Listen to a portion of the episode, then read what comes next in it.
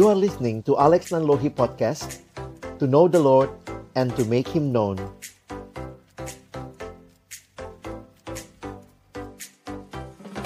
Kembali kami bersyukur karena Tuhan sudah boleh memberikan kebutuhan jasmani kami dan biarlah juga dalam sesi kedua ini kami boleh juga memahami dan berinteraksi satu sama lain. Berkati waktu ke depan dalam nama Yesus kami berdoa. Amin. Baik, saya coba lanjut dulu untuk uh, materinya nanti baru kita boleh tanya jawab ya.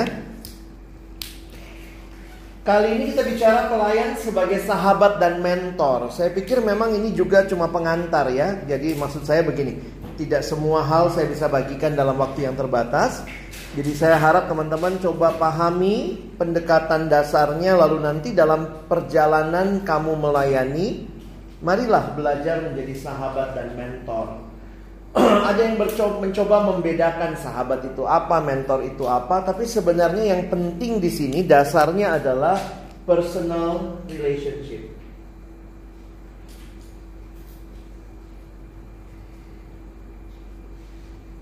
Soal nanti bentuknya seperti apa, sekarang ada lagi istilah yang berkembang yaitu coaching. Nanti saya coba jelaskan sedikit perbedaannya, tapi yang menarik bahwa eh, apa pun istilahnya, ini sedang memperkenalkan bahwa pelayanan itu perlu sentuhan pribadi, personal touch. Mungkin kalau kita lihat hidup Tuhan Yesus bisa saja dia hanya keliling-keliling melayani. Ketemu banyak orang, tetapi fokus hidup Yesus adalah dia masuk dalam satu kalau kita sekarang bicara proses ada banyak gereja yang menggunakan istilah proses pemuridan. Bahwa Yesus fokus kepada sejumlah murid. Jadi apa yang Yesus tinggalkan bagi dunia, saya pikir salah satu yang dia tinggalkan bukan sekretariat, tidak tinggalkan uang deposito, tidak tinggalkan juklak, dia meninggalkan orang. Nah, coba kita lihat sebentar dalam satu bagian Matius 28. Menarik untuk memperhatikan Matius 28 ayatnya yang ke-16.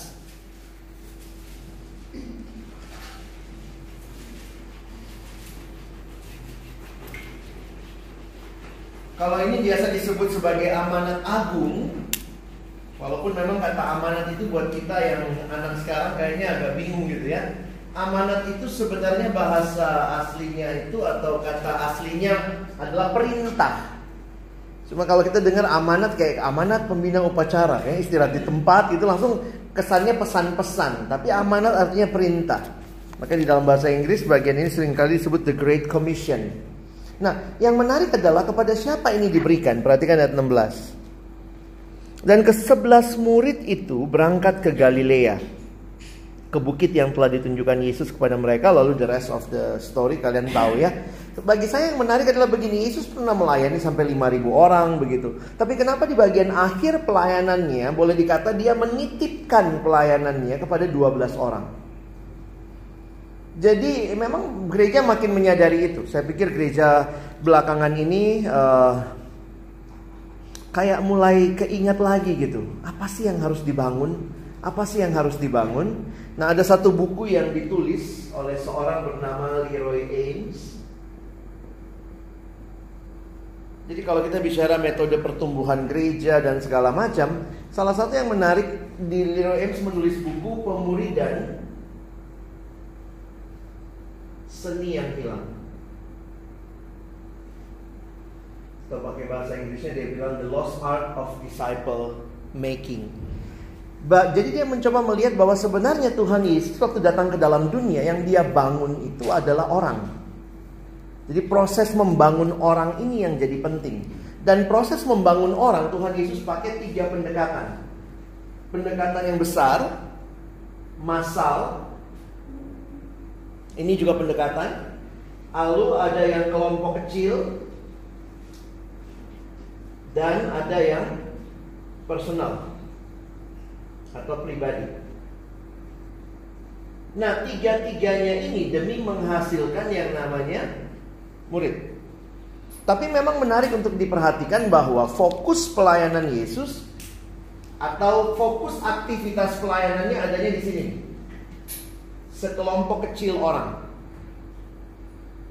Sebenarnya kritiknya Leroy Ames terhadap gereja di Eropa, gereja sibuk bangun gedung. Ketika gedungnya ada, lupa bangun muridnya, makanya sekarang gereja tinggal museum. Beberapa di, bagian di Eropa kita lihat itu katedralnya besar sekali, orangnya nggak ada. Nah, dan gereja-gereja yang berkembang saat ini adalah ketika mereka meniru lagi apa yang Yesus lakukan. Bahwa mereka tidak menghilangkan yang massal, tidak menghilangkan yang personal, tetapi banyak yang kemudian fokus kepada kelompok. Makanya eh, dinamika pertumbuhan gereja kalau kalian tertarik mempelajari salah satunya ada yang menggunakan kalau pakai istilah yang GBI GBI gitu mereka pakai istilah komunitas sel, komsel. Jadi memang pertumbuhan gerejanya atau uh, karena agak beda ya dengan kita gereja GPIB yang basisnya adalah keluarga. Makanya GPIB mengangkat soal peran keluarga. Tapi jujur aja tidak banyak orang dari luar yang masuk. Beda dengan gereja-gereja yang komunitas sel, mereka tuh kayak penginjilannya kuat banget sehingga ada orang yang bertobat dari agama lain yang pindah dan segala macam. Di GPIB lebih sedikit persentasenya, bukannya nggak ada, ya. Nah, nah saya melihat bahwa uh, sebenarnya semua ini mau menunjukkan kepada kita bahwa pendekatan yang penting adalah memperlakukan manusia sebagai manusia. Manusia sebagai manusia. Yang kalau kita lihat masal punya kekuatan, kelompok kecil punya kekuatan, personal punya kekuatan. Nah, tiga hal ini yang mau dibentuk, mau dibangun, yaitu murid. Nah, kembali lagi waktu memperhatikan menjadi sahabat dan mentor, saya pikir kalau akhirnya uh, kita cuma fokus kepada mimbar, kita mungkin akan kehilangan ini.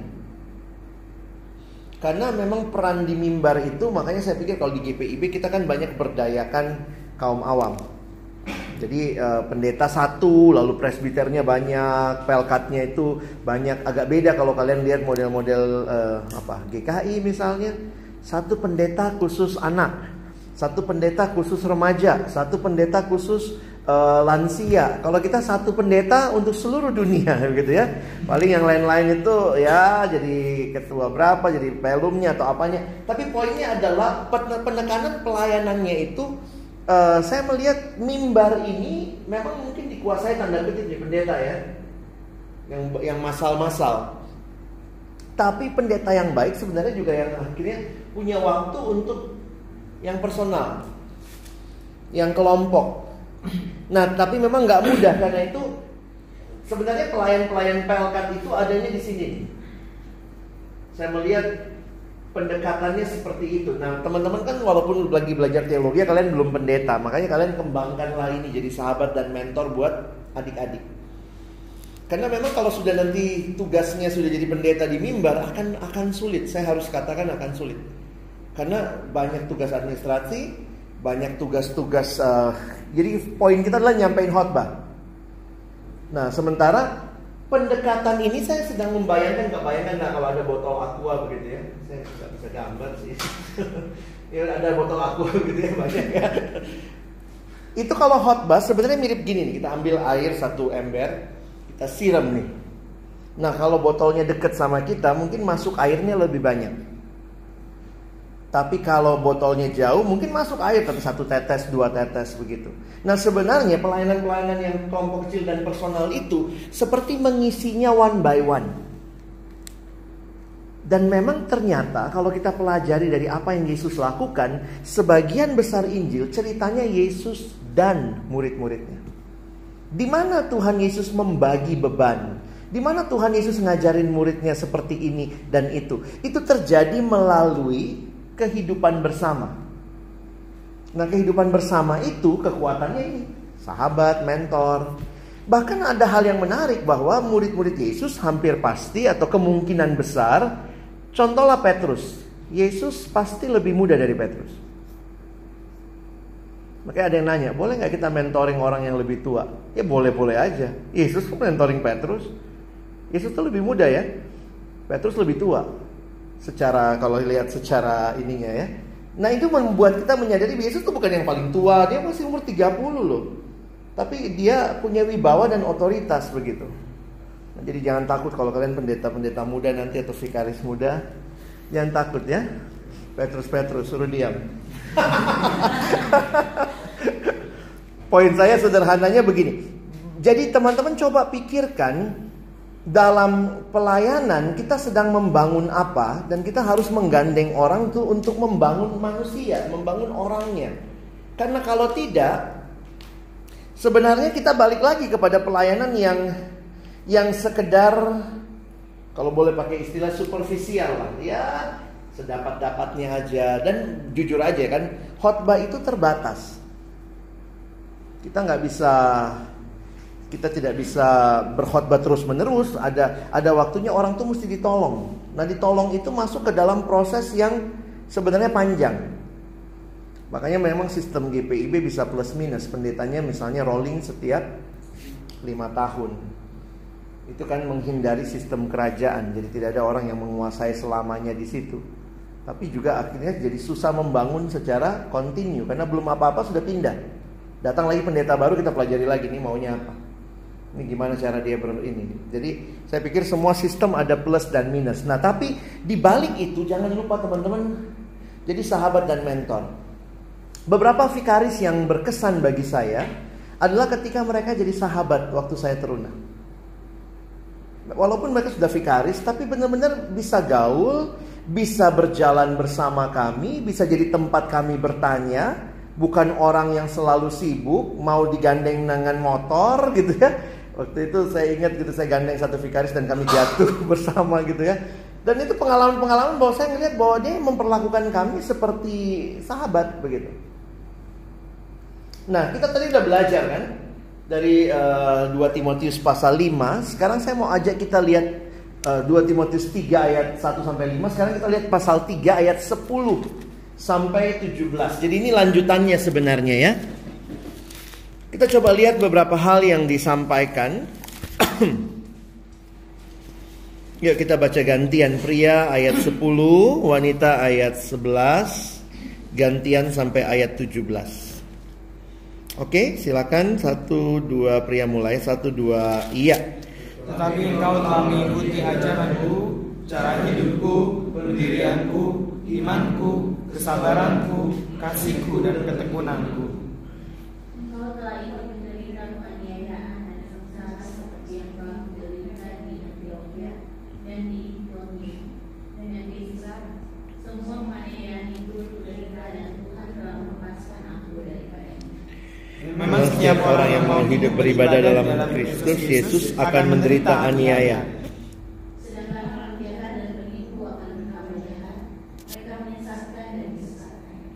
Tetapi hendaklah engkau tetap berpegang pada kebenaran yang telah engkau terima dan engkau yakini dengan selalu mengingat orang yang telah mengajarkannya kepadamu. Ingatlah juga bahwa dari kecil engkau sudah mengenal suci yang dapat memberi hikmat kepadamu dan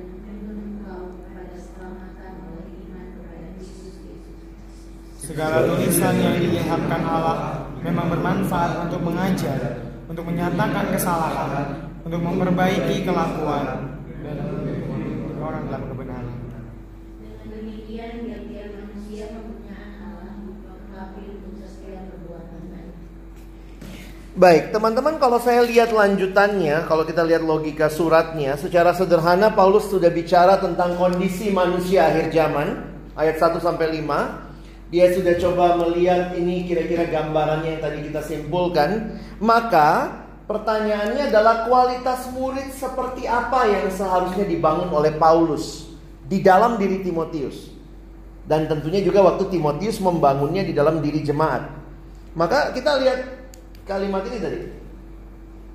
Kalau saya sih coba menghayati sederhana. Yang Paulus minta Timotius bangun dalam dirinya adalah murid yang mencintai Allah. Nah, waktu bicara mencintai Allah, apa yang dimaksud dengan mencintai Allah? Saya pikir sih kita kembali ke bagian paling dasar bahwa seluruh hukum Taurat dan kitab para nabi tersimpulkan dalam dua hal kan? Kasihilah Tuhan Alamu dan kasihilah sesama manusia. Jadi memang kalau Alkitab kita diperes gitu ya, semua hal ini yang cuma dua itu. Jadi apa artinya mencintai Allah? Menarik nih, bukti kita mengasihi Allah di Alkitab pun dalam dua hal tadi. Yang pertama, coba lihat nih, Yohanes 14 ayat 15 kita baca ya. Satu dua ya. Jikalau kamu mengasihi aku, kamu akan menuruti. Bukti mengasihi Tuhan yaitu menuruti perintahnya. Jadi bukti mengasihi Tuhan bukan masalah seberapa besar kalung salibmu, seberapa besar Alkitabmu, seberapa banyak foto Yesus di dompetmu, bukan itu. Tapi melakukan, menuruti segala perintahnya. Jadi kalau dikatakan saya orang yang mengasihi Allah berarti saya taat kepada perintahnya. Jadi arah yang horizontal eh, vertikalnya itu seperti itu dan horizontalnya ada ayat lain nih. Coba kita baca 1 Yohanes 4 ayat 11. 1 2 ya. Saudara-saudaraku yang dikasih, jika Allah demikian mengasihi kita, maka haruslah kita juga saling mengasihi. Jadi yang mau dibangun dalam diri orang-orang yang mencintai Tuhan adalah kepada Allah dia taat, kepada sesama dia mengasihi. Sederhana, ini yang dibangun ketaatan kepada Allah, hidup dalam kasih kepada sesama. Ini melawan apa yang tadi kondisi zaman. Mencintai diri sendiri, hamba uang, berontak kepada orang tua, semua dosa pelanggarannya pasti cuma dua dimensi. Kalau nggak kepada Allah, kepada sesama. Kalau ditarik lagi lebih inti, semua memang pasti pelanggarannya kepada Allah. Unik ya, dosa itu kita bikinnya sama orang ngakunya ke sana. Tuhan ku bila hati kawanku. Kenapa mesti ngaku ke sana? Kan kamu bikinnya sama dia. Kenapa kita orang Kristen melihat dimensi hidup itu ada Allah di dalamnya. Jadi dalam relasi dengan sesama kita bukan cuma bikin salah sama dia. Pengakuan dosa bicara kita mengaku ke atas, kita perbaiki ke samping. Jadi waktu kita mengasihi Allah maka muncul ketaatan dan muncul kasih kepada sesama. Nah itu yang harusnya dibangun. Nah pertanyaannya begini, bagaimana Paulus membangunnya? Memang ini bukan tips and trick ya. Tapi waktu saya coba lihat ke bawahnya, ada tiga hal yang saya lihat Paulus uh, berikan di dalam ayat ini. Dan itu yang Timotius butuhkan. Membangun karakter hidup yang mencintai Allah dan mencintai sesama, penting sekali komunitas. Penting sekali kitab suci, dan nanti ayat 17 kita lihat pentingnya identitas.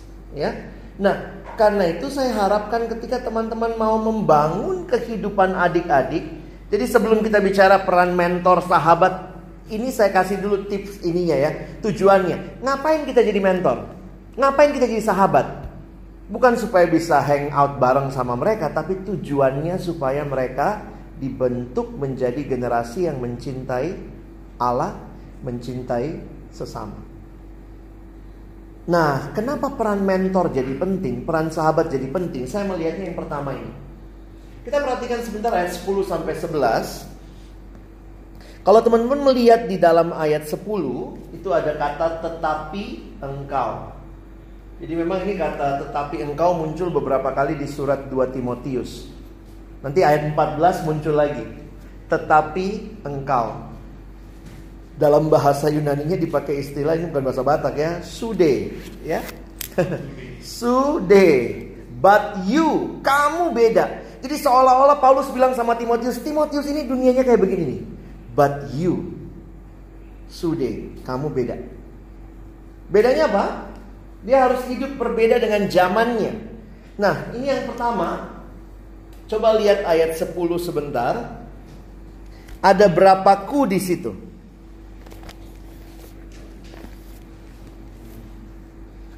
Yang pertama apa? Ajaranku, cara hidupku, pendirianku, imanku, kesabaranku, kasihku dan tujuh. Tujuhku. Nah saya lihatnya begini, teman-teman kehidupan beriman itu bukan cuma diajarkan, tapi diteladankan dan di-share. Karena itu kelihatan dengan jelas sekali kehidupan iman tidak cukup hanya dibicarakan tapi ditransfer. Pentingnya pemahaman teladan, pengalaman iman, interaksi yang utuh.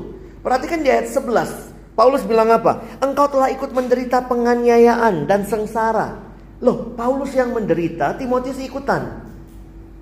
Karena Timotius diajak ternyata waktu itu sama Paulus. Kenapa bisa diajak begitu?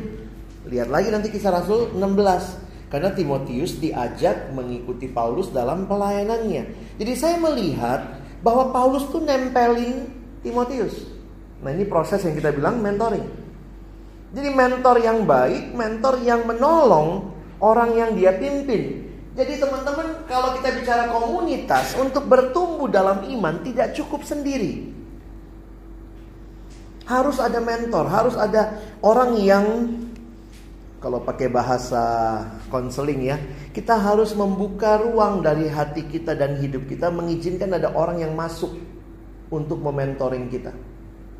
Nah, dalam proses pertumbuhan seseorang, saya pikir adik-adik layan kita butuh mentor. Butuh sahabat.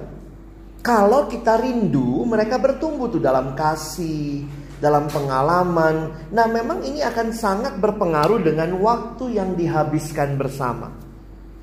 Nah, itu bagi saya memang pergumulan kita lah di Terunaya, apalagi kita cuma ketemu mereka pada waktu hari hari Minggu.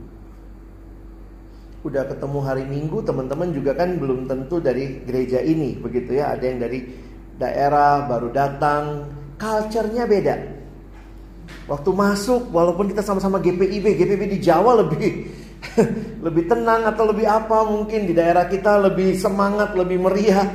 Jadi itu semua akan akan pasti membutuhkan waktu untuk adaptasi. Nah bagi saya yang menarik adalah kita bersedia nggak untuk menjadi orang-orang yang seperti itu. Paling tidak Nah ini gimana ya kalau bicara tips-tipsnya sekarang kan ada ada ada medsos begitu, ada WhatsApp. Mungkin kita bisa jadi sahabat dengan adik-adik kita. Mungkin nggak sama semua orang begitu, tapi beberapa adik yang kita mungkin uh, WhatsApp dengan rutin. Jadi kita bisa tahu perkembangannya dia. Nah saya pikir itu nanti dalam kesepakatan kakak-kakak bersama anak adiknya berapa ya mungkin jangan sampai dia juga ngerasa dikerubutin banyak orang begitu ya. Kalau kayak kami di gereja sempat membagi waktu itu misalnya kami kakak-kakak ada kami sebenarnya banyak juga sih 15-an lah ya. Adik kami sekitar 30-an. 25 sampai 30. Maka kami punya jadwal rutin misalnya satu orang doain tiga nama. Tiga atau dua nama untuk mendoakan. Jadi kami dapat tugasnya sebenarnya mendoakan adik. Nah, bagaimana mendoakannya? Kami tanya kabarnya bagaimana. Tanya kabarnya terjadi relasi.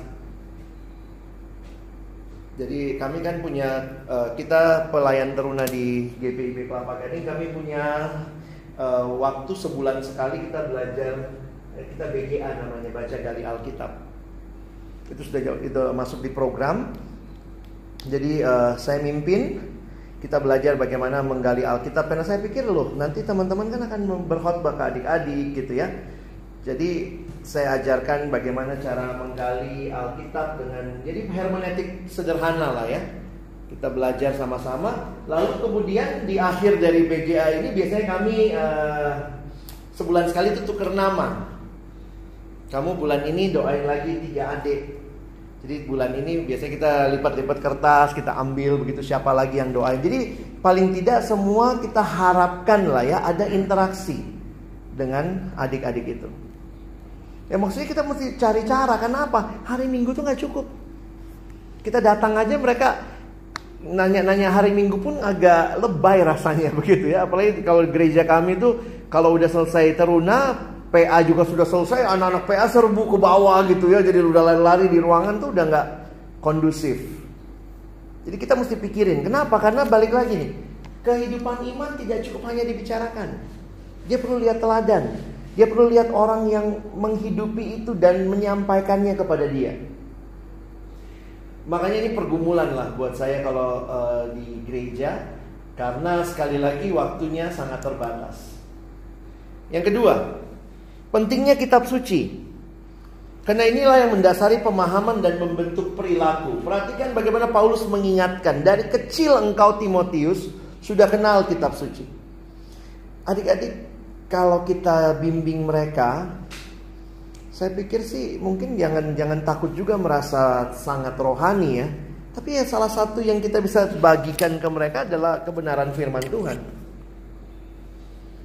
Persis kayak yang kemarin saya bilang juga di waktu kami di gereja bikin acara semua tanya bagaimana tipsnya? Nolong anak saya sudah mulai begini anak saya begini. Saya bilang ya om tante tidak ada cara lain ajarin firman Tuhan. Dengan apa dia jaga kelakuannya bersih? Hidup sesuai dengan firman. Kalau kita aja nggak pernah bicarakan firman misalnya. Jadi waktu yang terbatas, saya pikir kita juga harus punya fokus apa yang kita sampaikan.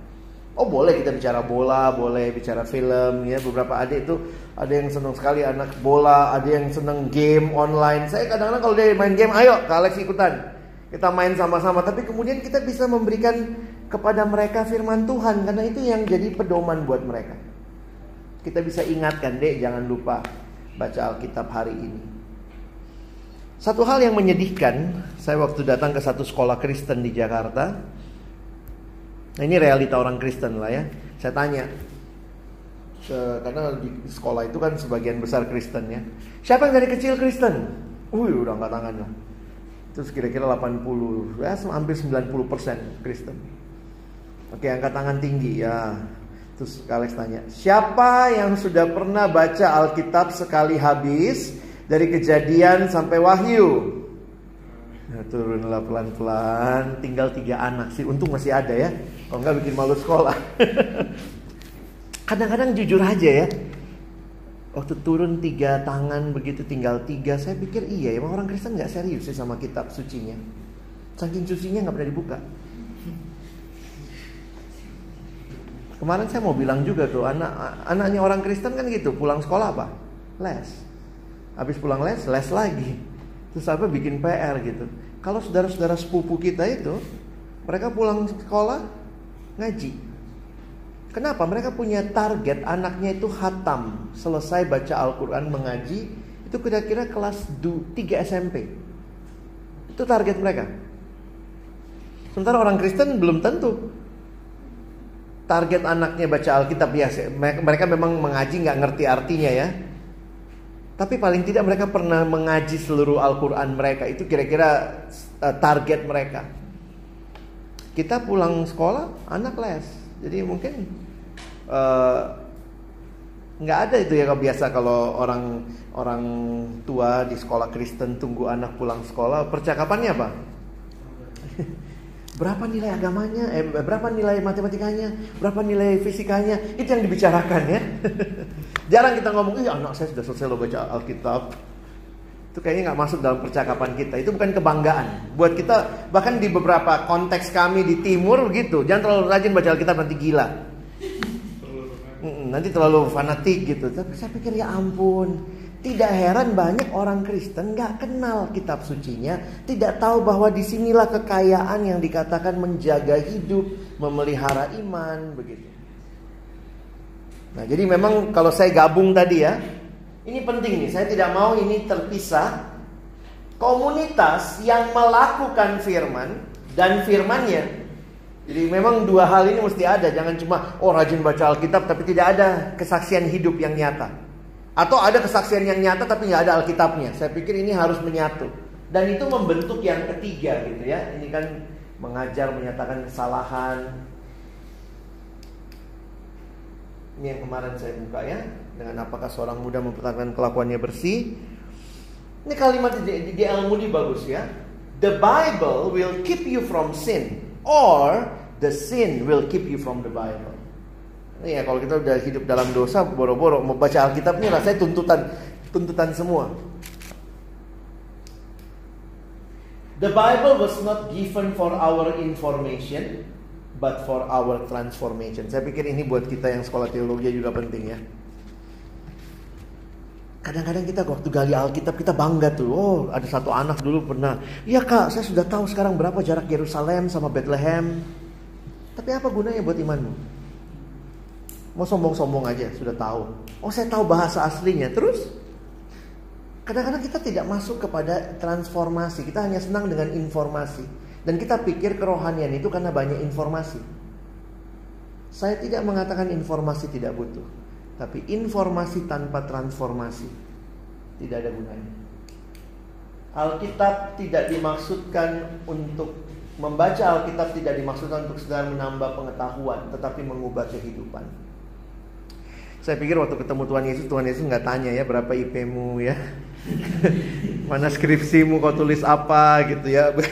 Tapi Tuhan akan tanya begitu kan, pada waktu aku lapar siapa yang kasih makan, waktu aku haus siapa yang kasih minum. Kesannya kayak sosial banget gitu, tapi hati-hati banyak orang terjebak dengan merasa rohani karena tahu hal-hal rohani. Tahu itu bukan segalanya ya. Tahu harus ditindaklanjuti. Nah, ini kalimat John Stott dia pakai kalimat begini. We must allow the word of God to confront us, to disturb our security, to undermine our complacency, and to overthrow our patterns of thought and behavior. Ada satu hal yang menarik, kita sering kali menempatkan Alkitab itu dalam posisi saya mempelajari Alkitab. Jadi polanya adalah saya di atas, ini Alkitab objek. Nah, tapi kalau betul ini adalah firman Tuhan, ya, itu diskusi panjang ya. Kalau betul ini adalah firman Tuhan, maka harusnya kita harus izinkan Alkitab membaca hidup kita. Itu sikap beda sekali. Kau baca ini sebagai teks ilmiah, teks historis, atau kau izinkan kalau ini Tuhan bicara, maka izinkanlah Tuhan bicaralah kepada saya. Maka akan sangat berbeda. GPIB sangat menjunjung Alkitab. 10 pokok iman GPIB juga ada tentang Alkitab. Yang masuk duluan di GPIB Alkitab. Di logo gereja kita Alkitab terbuka. Kalau GPIB tidak ajarkan Alkitab, saya pikir kita mengingkari jati diri gereja kita. Alkitab dibuang, gereja tidak ada. Di sekolah teologi silahkan didiskusikan, tapi begitu balik ke jemaat mereka akan mencintai hanya Alkitab. Dan itu harus membuat kita menyadari gereja harusnya true to the Bible gitu ya. Kadang itu bingung ya mau diskusi, ya ini bener gak sih firman Tuhan gitu ya. Historis belaka ya. Soalnya ada adik saya dulu bilang gitu. Dia masuk dari GKS Gereja Kristen Sumba sampai di sampai di Dia bilang gitu ya. Kak, sebelum masuk STT, saya yakin sekali Alkitab firman Tuhan. Habis masuk kok saya nggak yakin sekarang. Terus akhirnya saya bilang sama dia, jadi itu pernah dia lagi belajar udah sibuk begitu dosen banyak sekali masukan akhirnya tiba-tiba malam-malam dia SMS saya. Kak saya sudah pusing. Akhirnya saya cuma memutuskan satu. Sudah Alkitab firman Tuhan. Bodoh amat semua mau ngomong apa gitu ya. Maksudnya dia mau bilang bahwa dia mau kembali kepada apa yang dia yakini. Karena memang benar ya. Waktu sudah diskusi. Tapi nggak tahu ya balik lagi kalau kalian mau masuk GPIB harus percaya Alkitab firman Tuhan ya. Karena itu yang masuk duluan. Hmm.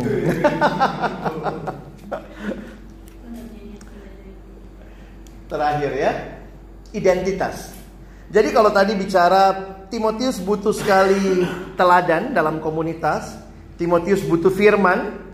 Makanya saya pikir eh, kalau kalian jadi pendeta, vikaris, tolong itu supaya benar-benar firman yang diberitakan. Sebenarnya kan nggak susah ya beritakan firman ya. Kenapa? Ya beritakan firman. Kadang-kadang kan yang kita beritakan cerita kita. Oh saya punya cerita. Makanya waktu setiap kali training homiletik saya bilang sebenarnya nggak susah berkhotbah. Kenapa? Kan menyampaikan firman. Yang susah karena kita mau kasih masuk kita mau cerita-cerita di situ ya. Nanti saya mau cerita ini, nanti ilustrasinya ini. Sebenarnya sudah duduk ya, saya baca firmannya. Ini nyampein firman. Kalaupun kita menjelaskan firman harusnya supaya firman makin dimengerti.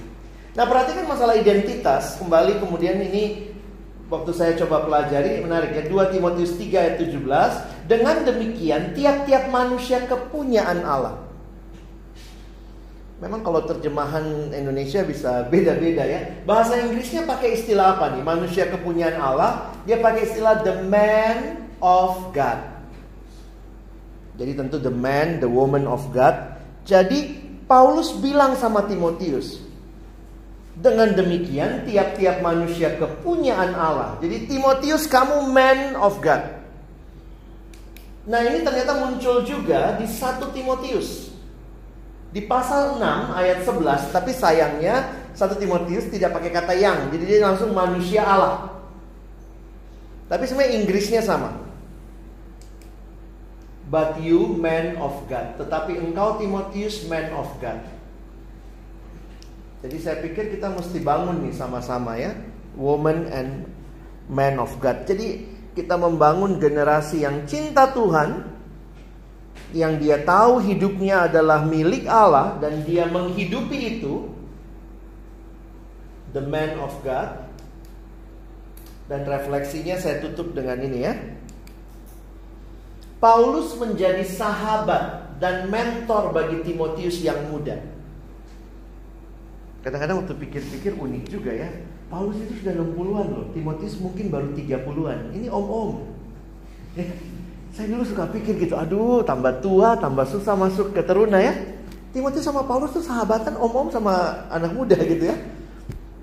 Ya walaupun ya 30 Paulus kemungkinan waktu tulis surat 2 Timotius sudah umur 60-an sekian ya.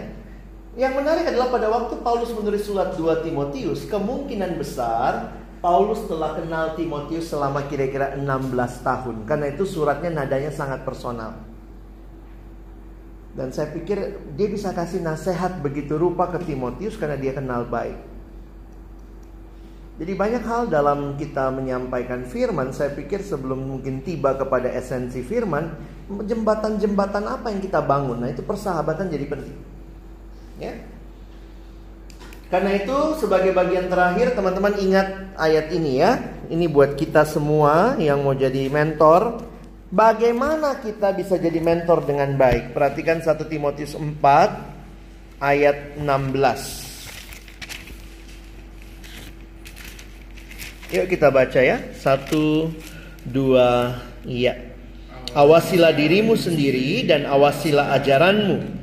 Bertekunlah dalam semuanya itu, karena dengan berbuat demikian engkau akan menyelamatkan dirimu dan semua orang yang mendengar engkau. Tugas Timotius, Paulus minta dia perhatikan, awasilah dirimu sendiri, awasilah ajaranmu. Saya bagi dua ya. Yang namanya awasilah diri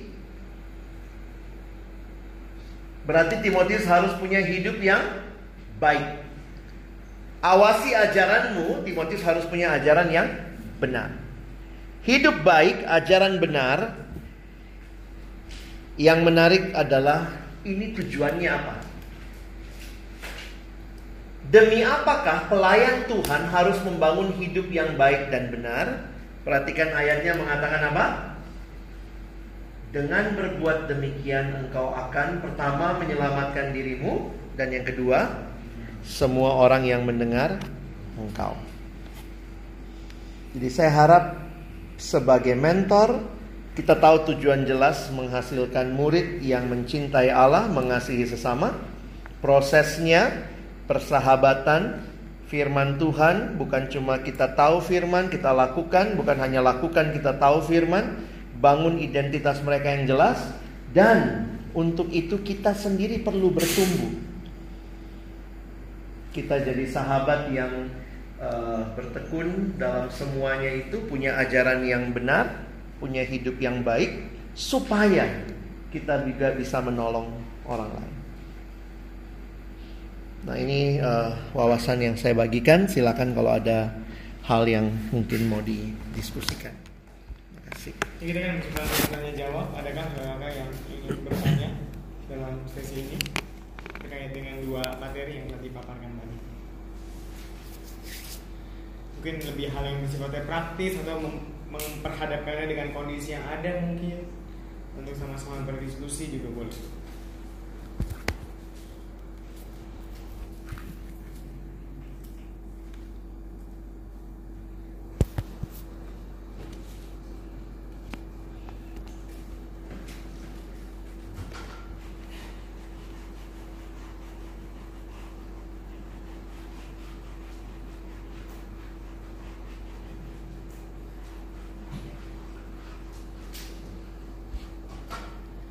Sedikit tambahan teori mentoring ya. Sebenarnya di dalam teori mentoring yang saklek kita hanya bisa mementor orang di dalam hal yang sama. Jadi mentor itu sebenarnya logikanya apple to apple. Saya hanya bisa mementor orang dalam poin yang sama. Misalnya di dalam uh, saya lagi mau nolong dia saat teduh ya udah berarti saya sudah harus memiliki hidup saat teduh yang baik itu mentor sebenarnya poinnya seperti itu. Jadi uh, mentoring itu demi menolong orang melakukan apa yang kita sudah lakukan. Jadi kita punya pengalaman. Ini uh, ini polanya mentoring. Nah di sisi yang lain sebenarnya sebagai saya lebih suka pakai kata sahabat karena di dalam persahabatan itu seharusnya kita jadi baca kebutuhannya apa. Ternyata sering kali bukan cuma mentoring. Kita harap dia baca Alkitab setiap pagi. Nah, mungkin kita cerita dulu saya juga pertama kali baca deh, malas gitu. Tapi kemudian, nah itu itu namanya mentoring. Tapi ada sisi lain yang dibutuhkan juga sebenarnya namanya konseling. Konseling itu berkaitan dengan jati diri atau berkaitan dengan uh, bahasa psikologinya self esteem. Nah, mentoring beda dengan konseling. Jadi kalau konseling itu kita mencoba menggali hidupnya untuk menolong dia menemukan apa yang mungkin menjadi masalahnya di masa lalu dan menolong dia boleh punya self esteem, jati diri atau uh, self esteem terjemahnya apa ya? Bagusnya apa? Uh, penerimaan diri yang baik. Apa? Acceptance. Oke, bisa berkaitan dengan itu ya. Nah, jadi ini ini contohnya ya. Kalau orang punya, kalian pernah lihat grafik ya? Ini minus misalnya, ini minus, ini minus. Kalau orang berkaitan dengan masalah dia gambar dirinya jelek, misalnya gambar dirinya di sini ya, ya minus minus 8 lah gitu ya. Maka kita menolong dia menuju ke titik nol sampai dia terima diri, itu namanya konseling. Jadi orang waktu ditolong supaya dia akhirnya menerima oh iya ya saya berharga, saya ini dia berdasarkan masa lalunya itu prosesnya namanya konseling. Mentoring sebenarnya terjadi di wilayah positif. Poin sederhananya begitu. Nah itu mirip lagi dengan namanya coaching yang sekarang lagi berkembang. Apa itu coaching? Sederhananya begini. Kalau mentoring hanya bisa dilakukan orang-orang yang sudah punya pengalaman dalam bidang yang sama, coaching tidak. Saya bisa coaching orang dalam bidang apa pun. Makanya ini skill yang lagi banyak dipakai, bahkan kantor-kantor umum juga skill untuk menolong. Mentoring itu mirip begini. Pernah lihat orang main bola gitu kali ya? Nah, mentoring itu misalnya saya saya bareng sama dia di dalam lapangan gini loh cara bawa bola. Saya ajarin ini cara tendangnya. Mentoring itu masuk ke lapangan. Kalau coaching dia di luar lapangan. Dia kayak cuma lari-lari di sini aja. Pemainnya ada di dalam. Makanya teori coaching banyak pakai pertanyaan. Karena dia tidak, kan dia nggak punya pengalaman. Tapi dia coba gali lewat pertanyaan. Emangnya bangun pagi susah? Iya kak, saya kalau bangun pagi gini-gini makanya nggak bisa baca Alkitab pagi-pagi. Oh gitu. Uh, terus kalau Alkitabnya punya di rumah, punya kak. Terus ada buku apa lagi? Oh saya ada buku renungannya. Jadi yang dia dia tanya, dia nggak ngajarin. Dia nanya sampai akhirnya orang itu menemukan, lalu kemudian dia tolong untuk melihat lah. Kan kamu bisa dong saat teduh. Bukunya punya, Alkitabnya punya. Sekarang masalahnya waktu. Nah waktu gimana? Kamu enakan malam apa pagi? Nah, jadi dia tidak mengajari. Dia menolong untuk menemukan. Nah makanya skillnya lebih banyak asking. Nah coaching mentoring sebenarnya terjadi di wilayah positif. Waktu orang sudah punya gambar diri yang Nah coaching ini juga termasuk menemukan potensi Talenta itu ada semua di wilayah sini Cuma ini kan teorinya realitanya kita akan tarik-tarikan. Nggak ada orang yang udah sampai di titik nol banget. Dia udah masuk ke sini, eh ketarik lagi, dia ingat masa lalu lagi. Jadi orang-orang selalu akan kita perlu memperlengkapi skill sebagai sahabat. Kita lihat nih, ini lagi kalau dia lagi galau begini, oh ini masalah dia sama mamanya di rumah. Dia masih ngerasa mamanya nggak baik. Karena pengalaman waktu kecil dia pernah dipukul sampai hampir mati misalnya gitu ya. Jadi itu pengalaman itu waktu dia misalnya mau mengembangkan talenta itu bisa jadi masalah. Kenapa? Ah nanti mama saya nggak terima. Nah ternyata masalah dia di belakang. Nah makanya kadang-kadang kita perlu mengembangkan skillnya dengan banyak hal dan ini semua kuncinya pak.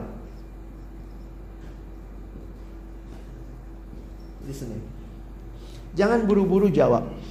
Waktu saya belajar coaching, saya pikir sebenarnya orang itu sudah punya jawaban sendiri. Dia sudah tahu apa yang dia mesti lakukan. Makanya kadang-kadang dengan cara coaching kita menolong dia menemukan apa yang dia harus lakukan. Adik teruna saya bergumul LGBT. Kak, jangan kasih tahu mama. Kakak jangan WA saya duluan. Terus mulai dia cerita. Nah, cerita-ceritanya itu menolong saya melihat iya ya, ada pergumulan masa lalu, tapi juga dia mau lepas. Jadi akhirnya saya pikir iya, eh, kadang saya jadi sahabat gitu ya kayak kemarin uh, Rian tanya ya. Kadang jadi kayak orang tua, tapi poinnya adalah saya nggak menggantikan orang tuanya dan memang ada beberapa hal yang dalam satu pertemuan di antara kami kakak layan kami merasa perlu untuk uh, share ke orang tuanya. Bukan tentang LGBT-nya tapi mungkin tentang sikap-sikap dia yang kita takut itu jadi masalah nantinya. Oke okay. itu tambahan ada? Ada pertanyaan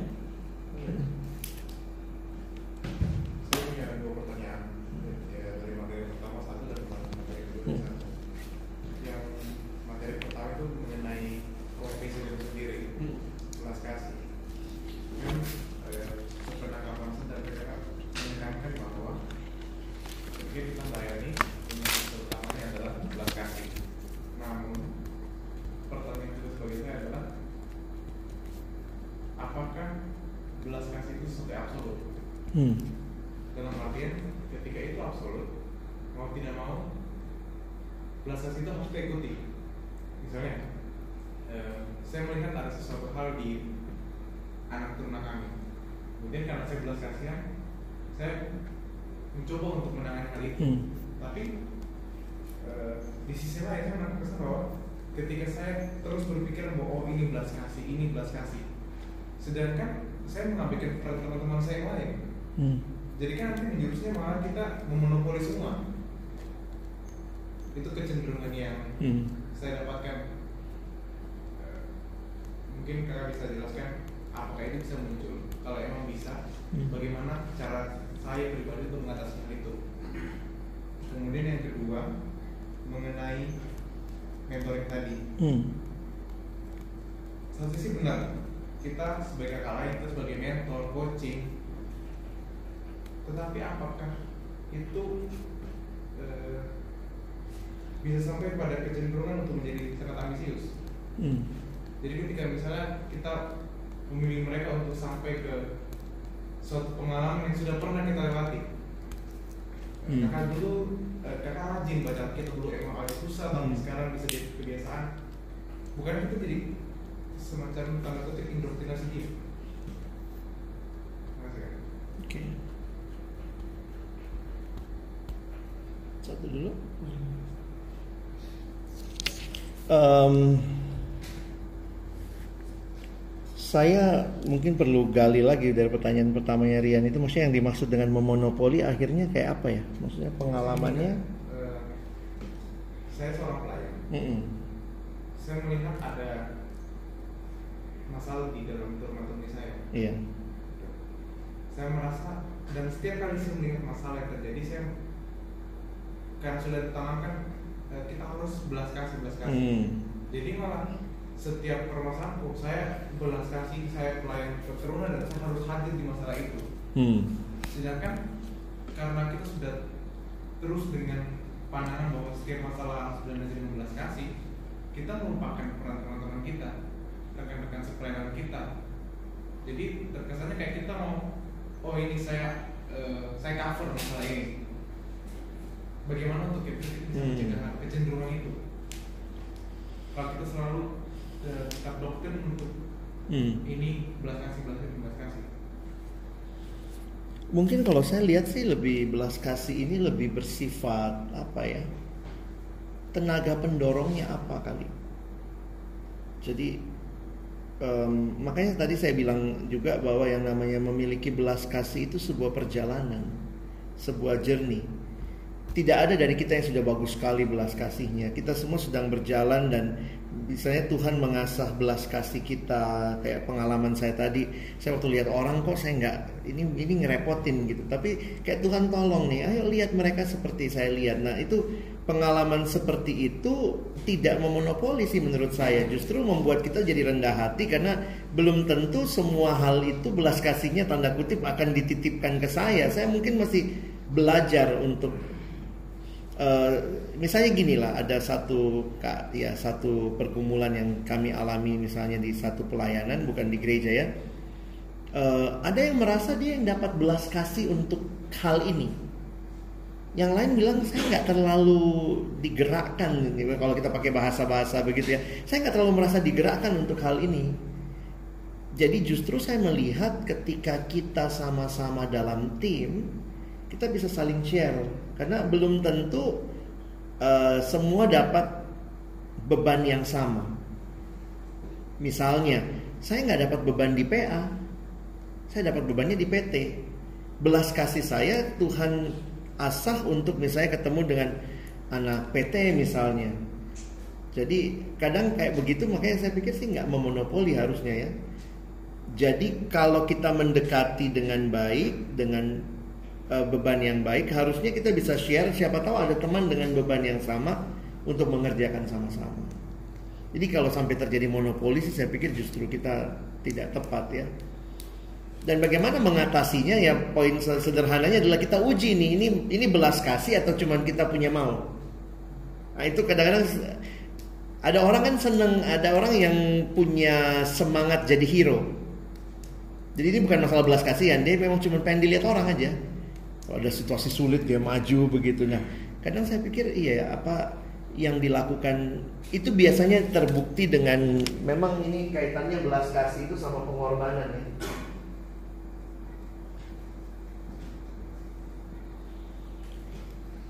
Jadi termasuk begini, kalau kita lihat ada orang yang mau mati-matian untuk sesuatu hal, mungkin dari situ baru teruji nih, ini sebenarnya belas kasihan. Dan waktu kita masih merasa tidak dapat sesuatu untuk kita dipuji atau apa ya, mungkin itu bukan belas kasih, itu cuma ya suka-sukanya kita aja gitu. gitu. Uh, saya ketemu banyak karena saya sekolahnya saya S, S2-nya misi, misiologi ya. Kadang-kadang saya ketemu sama misionaris-misionaris yang datang dari luar negeri, mereka doktor-doktor gitu ya. Mungkin juga dulu kalau bicara UKDW banyak dosen-dosenmu tuh doktor dari mana yang masih waktu zaman-zaman orang bule. Dia tinggalkan semua itu datang ke sini. Itu apa alasannya? Kalau mau pakai bahasa Alkitab apa? Kurang kerjaan di sana. Di sana uangnya lebih banyak. Kenapa mau ke sini? Apa yang dia korbankan? Apa sacrifice-nya? Tapi dia mau supaya Injil boleh dimengerti, dia mau orang-orang banyak orang lokal bisa jadi hamba Tuhan. Jadi yang menggerakkan dia adalah Allah memberikan kepada dia kacamata baru sehingga dia tidak melihat doktornya itu sebagai hal untuk dia cari uang banyak di sana tapi bagaimana doktornya mungkin bisa dipakai membagikan ilmu lebih banyak. Beberapa kali saya lihat buku-buku teologi kita masih banyak orang-orang luar yang nulis bule-bule gitu diterjemahin ke bahasa Indonesia yang BPK. Karena saya lihat ya awal-awalnya mungkin Tuhan pakai mereka gitu ya, belas kasihan menjangkau. Itu yang pertama ya. Nah, yang masalah mentoring, makanya kita mesti tahu batasannya juga ya. Mentoring itu begini. Dalam teori mentoring maupun coaching kita tidak mengambil keputusan buat dia. Nah sebenarnya itu batasannya untuk tidak terjadi indoktrinasi.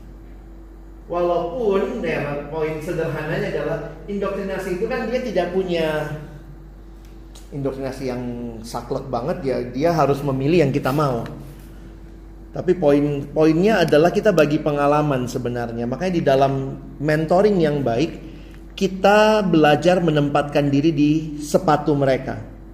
Tapi kita harus kembali lagi setelah kita kasih semua pertimbangan dia harus ambil keputusan. Nah ini balik lagi nanti kepada bagaimana cara mentoring juga. Beberapa orang soalnya bukan mentoring itu, diktator itu. Mesti ikut ya. Kalau kau nggak begini pasti kau mati. Kalau kau begini pasti kau salah. Jadi kita mesti punya batasan. Satu sisi mungkin yang untuk mengimbangi kalian ya. Um, kalau yang kita percayai itu baik dan benar, saya pikir seperti apa juga yang ada di Alkitab gitu ya. Salah satu waktu belajar uh, misi, Paulus itu argumen. Misalnya kayak di uh, Athena gitu ya, dia argue. Jadi ada tiga pola yang dia pakai. Satu kali dia preaching, dia proclaiming, tapi kemudian ada ada istilah dialoging, dia dialog. Terus ada lagi namanya dia argue, argumentasi. Dia kasih bukti-bukti logis, kira-kira begitu. Nah saya lihat di dalam pendekatan kita kepada orang kita bisa pakai semua sih. Kalau kita tahu ini benar dan yang dia pilih atau yang dia sedang hidupi salah, saya pikir kita mesti tanda kutip lah ya, sangat ambisius meyakini bahwa ini yang tepat begitu. Kalau dia main judi terus, hidup dengan perempuan ganti kiri kanan begitu, hidup dengan minuman keras, saya pikir ya kita mesti tidak mengatakan ya, saya nggak mau indokrinasi ya, tapi kita mesti tinggalkan itu. Kalau tidak kau pasti seperti apa. Dan makanya ada hal-hal logis yang saya pikir kita harus dengan tegas menyampaikan ini benar. Tapi kalau halnya ya istilahnya dia mau pilih, saya mau kerja di sini apa kerja di sana ya. Kadang-kadang kan itu adik-adik ini kadang pilihannya masih apa sih anak SMA? Apa? Labil. Labilnya misalnya mau kuliahnya ini atau ini ini atau ini. Kadang-kadang kan nanya sama kita. Kita padahal nggak nggak kuliah itu kan. Terus kita bilang kuliah kita nggak tahu papa mamanya sanggup nggak. Saya mau kedokteran kak. Ya papamu kayaknya nggak sanggup. Nah kayak gitu-gitu kan kita mesti kasih pertimbangan. Teologi saja. Thank you ya. Ada lagi? Jati.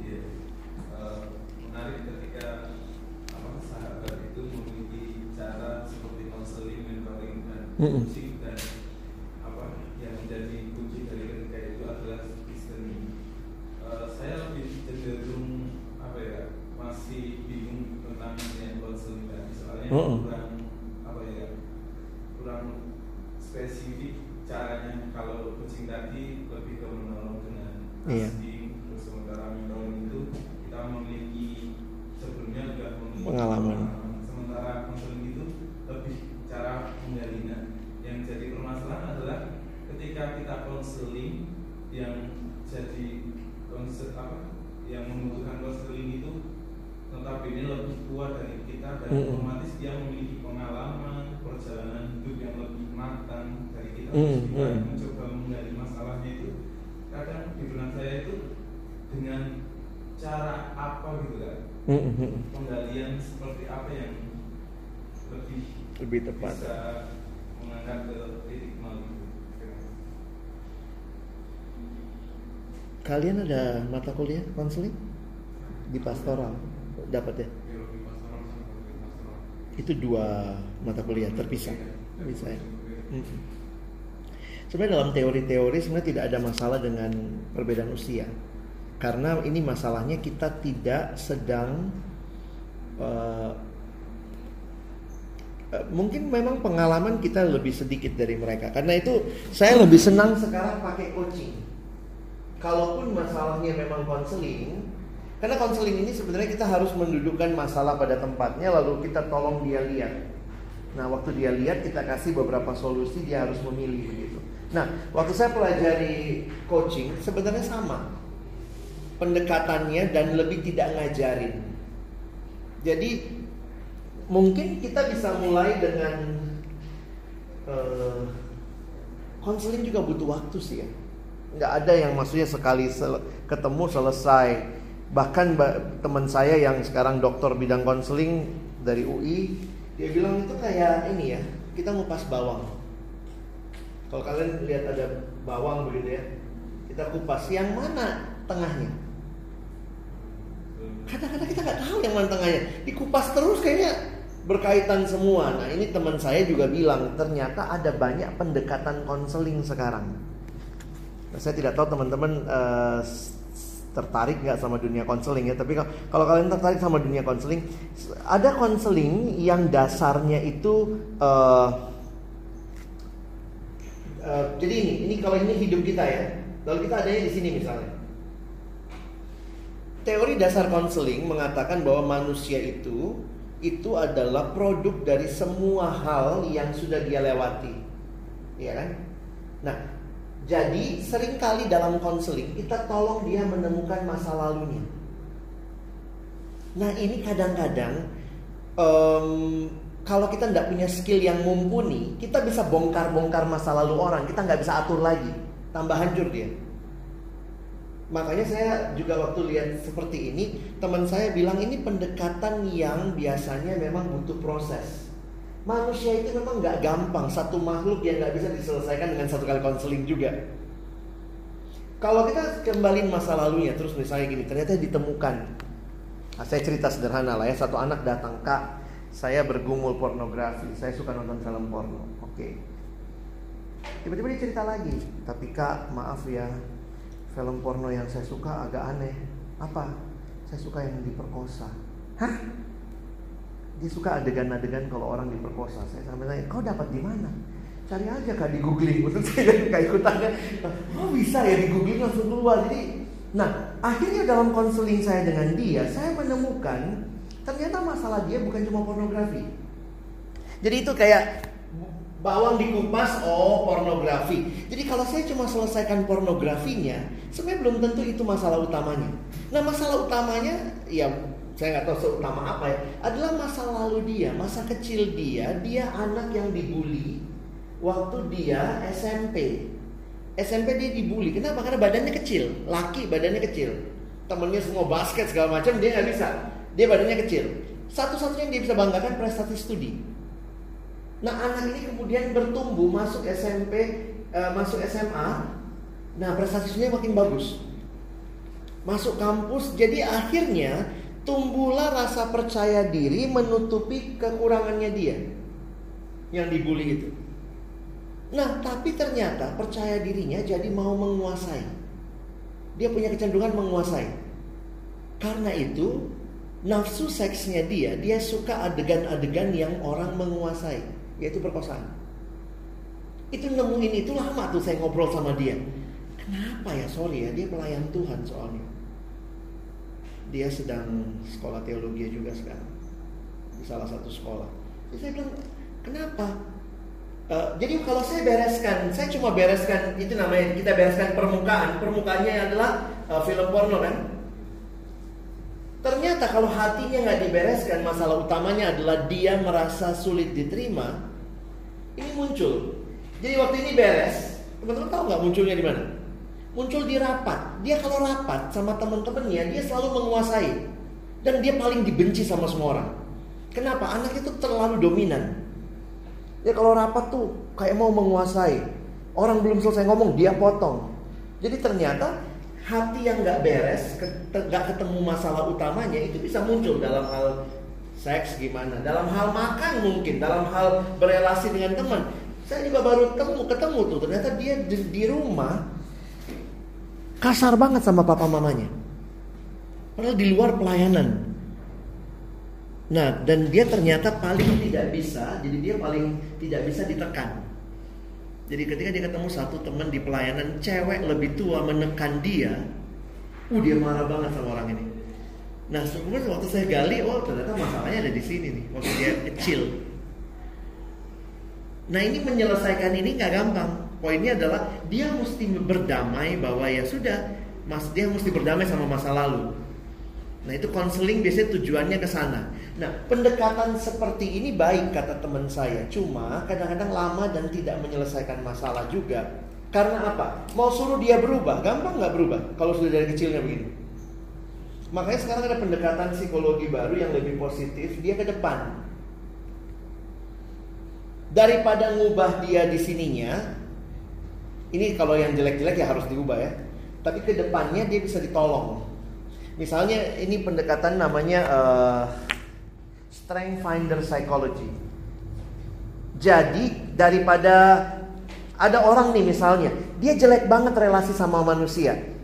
Dia lebih bagus relasi sama barang-barang. Kalau seksi perlengkapan dia ngatur-ngaturnya bagus. Tapi kalau sama orang duduk di samping pun dia diem. Tidak bisa bicara. Nah orang seperti itu daripada diubah karakternya, yang pasti nggak mudah tiba-tiba ayo kalau duduk sebelah orang mesti ngobrol ya kita kasih pertanyaan. Coba tanya satu dua tiga.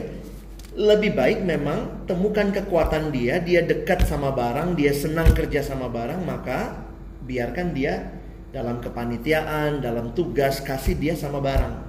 Itu namanya strength finder Nah, jadi kadang-kadang memang psikologi ini nggak gampang. Nah, adik-adik kita misalnya, kemarin saya juga bingung tuh orang tua nanya, anak saya nggak mau ngomong. Tapi kalau nggak mau ngomong gimana ya? Tapi kekuatannya di mana? Mana tahu dia nulis, mana tahu dia gambar. Nah orang tuh mesti peka tuh melihat anak saya gambar apa, anak saya nulis apa. Dan orang tua sekarang saya ada, ada satu anak teruna kami silat-silat, tinggal sama opa oma sih, silat-silat gitu. Terus waktu ketemu saya dia selalu pakai tangan panjang. Terus dia gini, biasa anak remaja kan, lihat kak, nah, Heh, kenapa? Ya nggak apa-apa. Itu kenapa kamu begitu? Nikmat kak. Belajar dari mana deh? YouTube. Ya waktu saya duduk sama dia saya baru tahu tuh waktu dia buka tangannya. Udah hancur sini. Saya bilang kenapa? Itu rasanya enak kak. Cobain deh kak. Kurang ajar kamu. iya tapi itu. Aduh anak teruna kami banyak masalah. Anak orang kaya juga sama banyak masalah. Jadi mungkin pendekatannya saya nggak bisa jelaskan sederhana dengan ini kan itu kan ada kuliahnya ya tapi kira-kira pendekatan kita seperti itu temukan masalah utamanya ya adakah satu pertanyaan lagi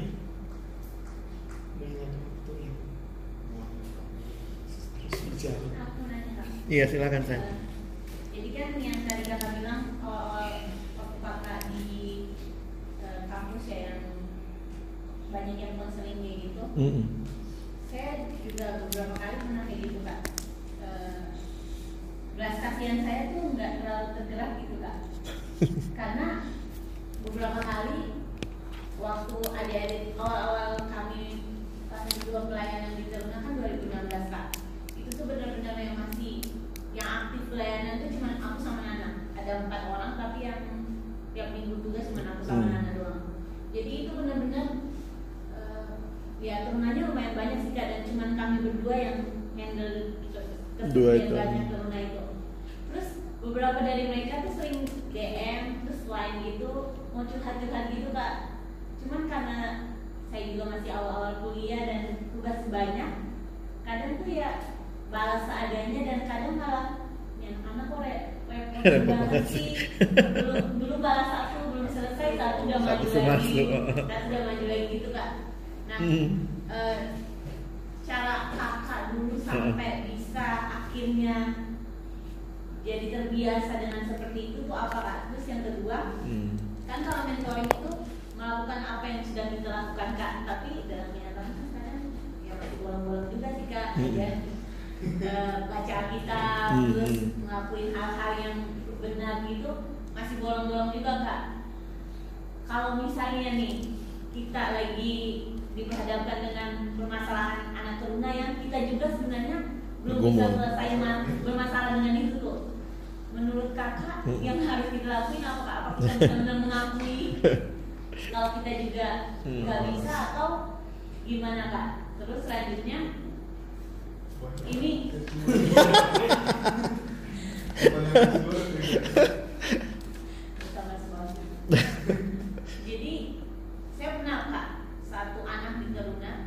sampai dia lulus katek lulus katek dan sini kemarin tuh beberapa kali malah dia nggak ikut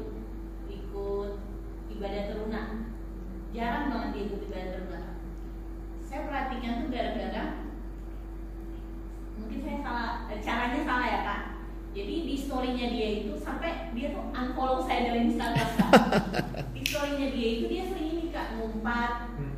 Terus eh, pokoknya ya caranya itu dia maksudnya Men- menurut pandangan saya tuh nggak pantas gangguin kak terus ngerokok terus beberapa kali terus saya tegur di di story itu lo kok kayak gitu deh ayo kok kayak gitu terus kalau ketemu juga pas mereka ngomong-ngomong dan cerita-cerita kayak gitu beberapa kali juga saya tegur kak nah dari situ saya perhatiin tuh anak ini kok udah jarang datang ke PT baru ketahuan itu pas kami retret kak saat retret itu ada sesi apa?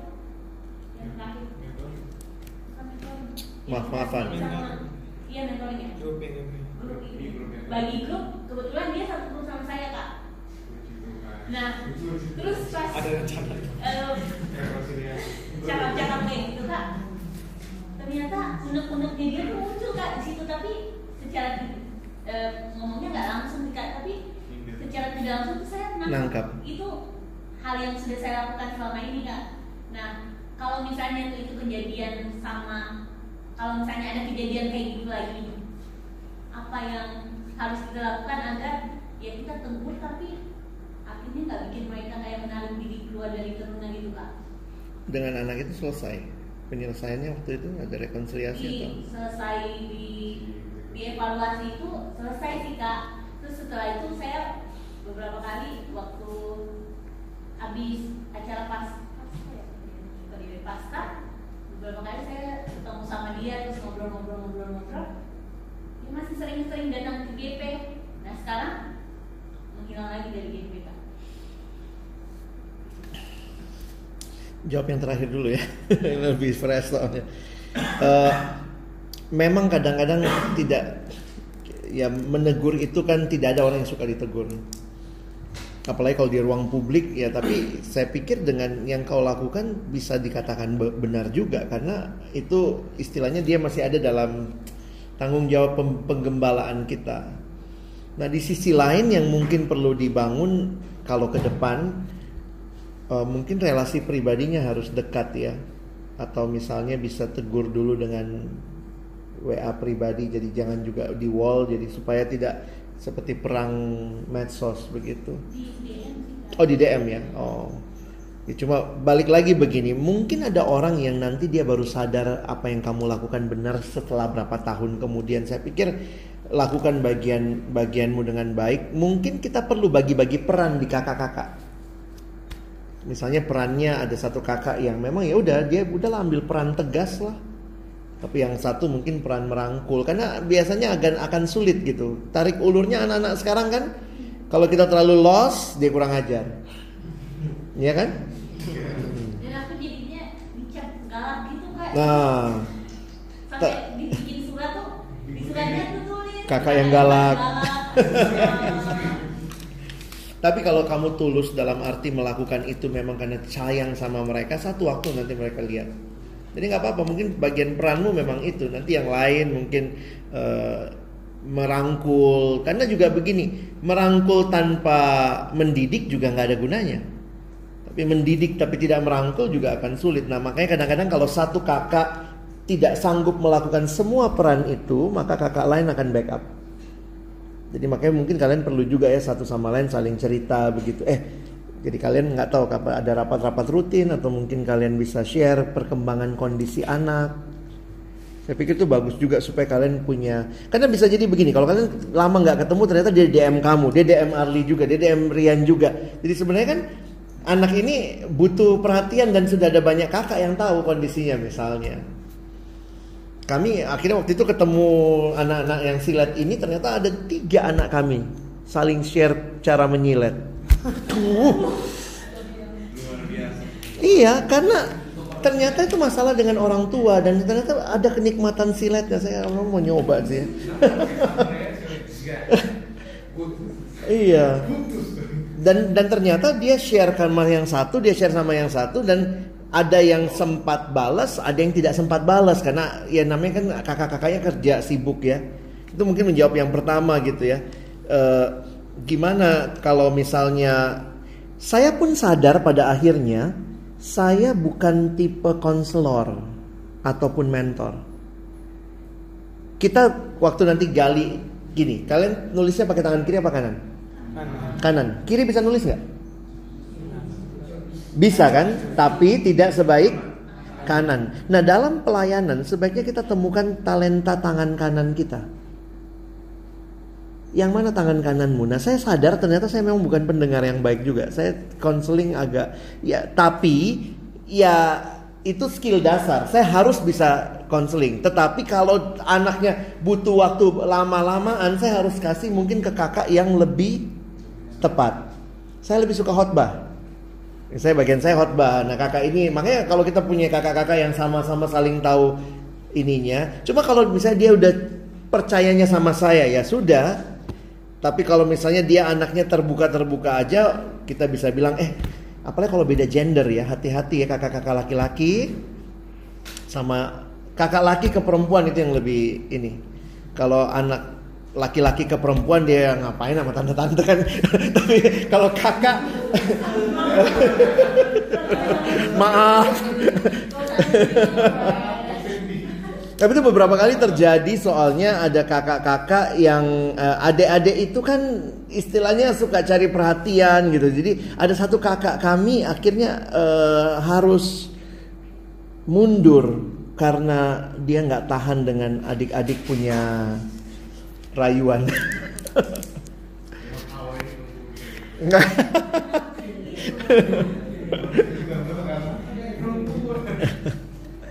Jadi uh, itu masalah peran, tapi begini, tetap kita punya skill semua. Saya pikir kita punya skill semua jadi sahabat. Paling tidak yang bisa kita lakukan dan saya harap benar kita lakukan. Kalaupun kita nggak punya skill menyelesaikan, oke okay deh, saya doakan dan kita lakukan benar karena memang kita juga nggak sanggup. Dan jangan jangan kasih kesan kita tuh juru selamat. Apa-apa nanti tanya sama saya, apa-apa saya pasti bisa kasih jawaban itu nggak nolong.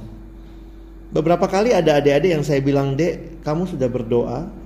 Maksudnya gini, ada apa-apa dulu karena saya buka akses ya awal-awalnya karena ya bangga kan orang cerita sama kita lama-lama capek juga kan terus setiap kali ada apa-apa dia cerita ada apa-apa dia cerita lama-lama saya pikir ini kamu sempat berdoa nggak belum kak ya udah sekarang begini kalau ada apa-apa cerita sama Tuhan Yesus dulu baru ke Kak Alex daripada tiap kali cerita sama saya. Nah begitu akhirnya saya suruh cerita sama Tuhan, maksudnya waktu dia berdoa udah nggak kontak-kontak tuh.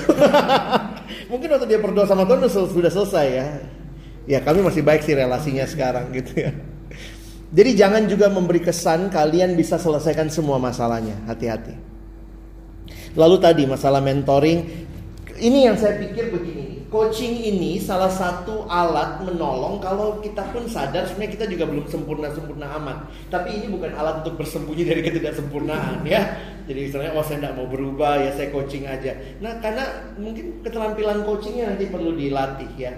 Karena keterampilan coaching itu hanya menanyakan. Jadi dia tanya kenapa begini. Jadi waktu dia jawab kita kayak susun. Orang biasanya kalau punya pergumulan dia punya masalah semua ada ditumpuk. Nah kita tuh kayak bisa-bisa oh ini masalah ini ini. Nah coaching itu itu skillnya. Makanya tidak mesti mengalami. Nah tapi kalau hal-hal rohani dasar saya pikir uh, sedekat apa kita sama anak dan sedewasa apa dia sampai kita mulai terbuka. Saya pikir juga jangan terlalu cepat terbuka di awal. Dengan pengertian begini, buat mereka kita itu panutan. Tiba-tiba kita cerita, iya jadi kakak ini kemarin sudah membunuh tiga orang. itu kan kaget ya. Tapi mungkin kalau kita sudah lama jalan sama mereka, dekat sama mereka, kita bisa mulai, iya deh, maaf kakak juga kemarin gagal. Kemarin saya juga jatuh dalam dosa. Tolong doain kakak ya. Tapi itu sekali lagi dalam perjalanan. Jangan terlalu cepat membuka diri. Nanti orang langsung pikir, eh kakaknya aja begitu gitu ya. Nah, tapi kapan tepatnya itu tiap anak beda. Waktu saya pimpin ada anak ini, uh, saya punya cara karena mungkin Jakarta ya, jadi saya suka jalan sama mereka ke mall.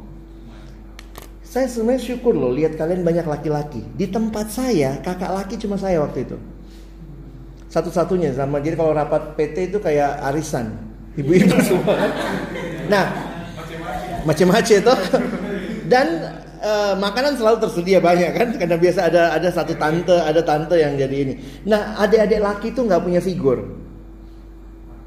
Waktu adik-adik laki nggak punya figur, saya masuk. Nah, saya bingung juga nih. Ketemu cuma hari Minggu.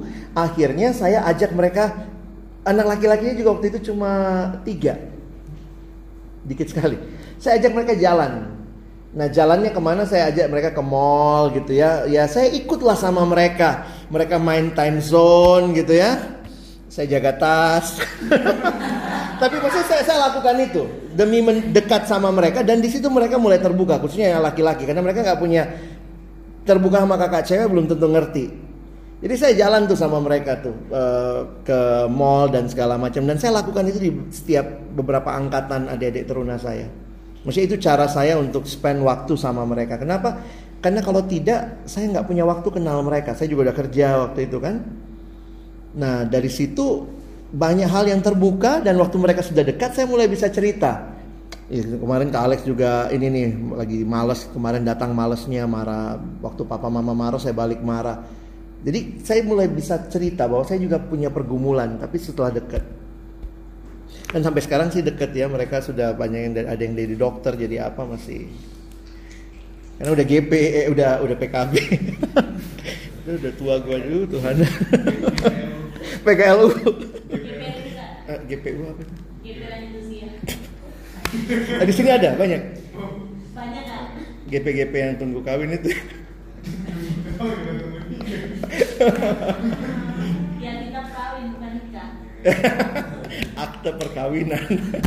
Oke deh. Oke kalau gitu karena waktu yang sudah semakin terbatas jadi seminar jawab sudah kita tutup. Itu artinya juga uh, seminar pada hari ini. Kita tutup. Mungkin Bang Alex boleh membawa dalam kata-kata penutup mungkin ada pesan penutup mungkin pesan menyimpulkan atau bagaimana? Iya teman-teman saya sih melihatnya eh, kalau kayak begini ya melihat bahwa sebenarnya saya tidak hanya melayani sekian belas orang begitu nanti nanti di balik kalian sebenarnya ada anak-anak teruna nanti satu waktu kalian jadi pendeta jadi hamba Tuhan jadi materi ini sebenarnya bukan hanya buat kalian tapi buat orang-orang yang nanti akan kalian layani jadi terus bertumbuh dalam Tuhan pakai eh, semua kemampuanmu dalam compassion dari Tuhan untuk melayani sesama. Terima kasih. Oke, kita berdoa ya. Tuhan terima kasih untuk malam hari ini banyak hal yang juga kami diskusikan, kami pelajari dan kami terus memohon dari Tuhan berikan kepada kami hati seperti hatimu supaya kami boleh melihat ladang yang Tuhan percayakan dengan belas kasihan yang daripada Tuhan. Berikan kepada kami juga hati yang mau menjadi sahabat, mentor, konselor, ataupun juga coach buat setiap orang yang Tuhan percayakan dalam pelayanan kami. Seringkali kami sadari bahwa banyak hal terbuka ketika ada personal touch, bukan sekedar dari mimbar. Kami tidak tahu apa-apa, kami hanya bisa menyampaikan satu arah. Tetapi di dalam persahabatan yang tulus di situ kami boleh melihat setiap orang punya pergumulan dan berharap Tuhan hadir dan boleh mentransformasi hidup kami. Hamba berdoa bagi adik-adikku ini di dalam pergumulan mereka, di dalam studi mereka, di dalam kerinduan mereka untuk masa depan, menjadi hamba Tuhan, orang yang melayani Tuhan, biarlah Engkau yang boleh menggenapkan semua kerinduan mereka di dalam waktu dan kehendak Tuhan. Sekali lagi terima kasih buat malam ini. Sebentar kami akan melanjutkan seluruh aktivitas kami. Tuhan yang memberkati dan Tuhan juga yang boleh menyertai kami. Terus berdoa untuk Pelkat PT di GPIB Marga Mulia Yogyakarta. Tuhan tolong Rian dan teman-teman di dalam kepengurusan mereka. Mereka boleh jadi anak-anak Tuhan yang terus membangun adik-adik layan untuk terus bertumbuh mencintai Tuhan dan mencintai sesama. Terima kasih bagi teman-teman yang harus kembali dalam perjalanan di malam yang gelap ini Tuhan yang menyertai tiba dengan selamat. Dalam nama Tuhan Yesus kami menutup pertemuan kami. Amin. Terima kasih.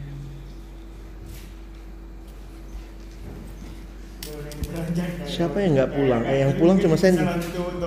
Bereskan dulu. Kau tinggal di mana sekarang? Sudah nggak di kampus? Asrama. Oh ini dia dia selama sampai tahun berapa? Terus habis itu masih keluar? Oh. Tendang ya. Jadi di, di, di asrama cuma dua angkatan selalu. Iya. Pantas mereka yang angkatan yang kalian masih teriak-teriak ya. Kenceng banget teriak-teriaknya. Teriak-teriak tadi cewek-ceweknya gitu. Masih anak SMA baru Cabut Jali. Beda beberapa abad. Jadi kau ambil S2 sekarang? Sudah selesai. Mau ambil dokter kan? Belum ada makan. Itu GPIB ini banget ya. Kau sudah S2 masih sok-sok banget GPIB ya. Ih, terlalu deh. Kayaknya makanya katanya eh, kemarin ada Vikaris yang magang tahun kemarin kan terus bilang coba kau tanya pendeta Fanda Fanda. gimana kelanjutannya kalau misalnya memang nggak bisa ya berarti Ya ke sinode lain lah. Kalau Nana dari mana? dari Marsima Jakarta Timur Sekarang tingkat sudah selesai juga kuliah.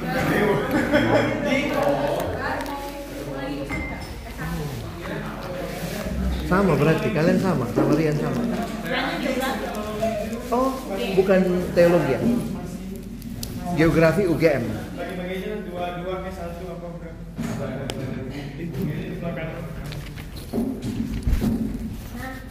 Terima kasih, Tuhan berkati ya. Sama-sama.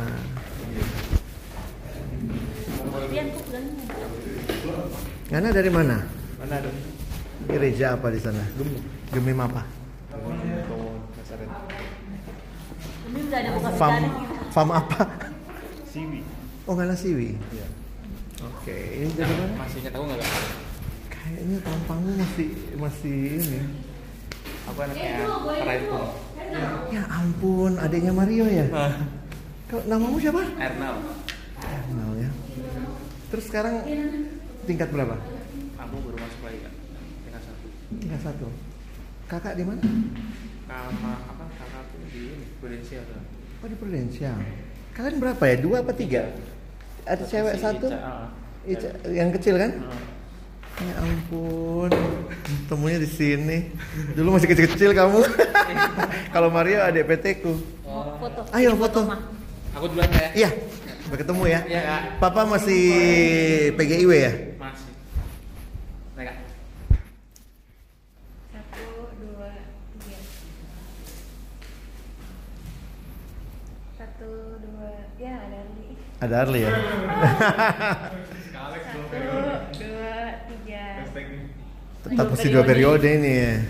Kalau enggak, tidak ayo mari kita foto dulu. Itu kan generasi udah dicekal kan anak-anak. Tuh.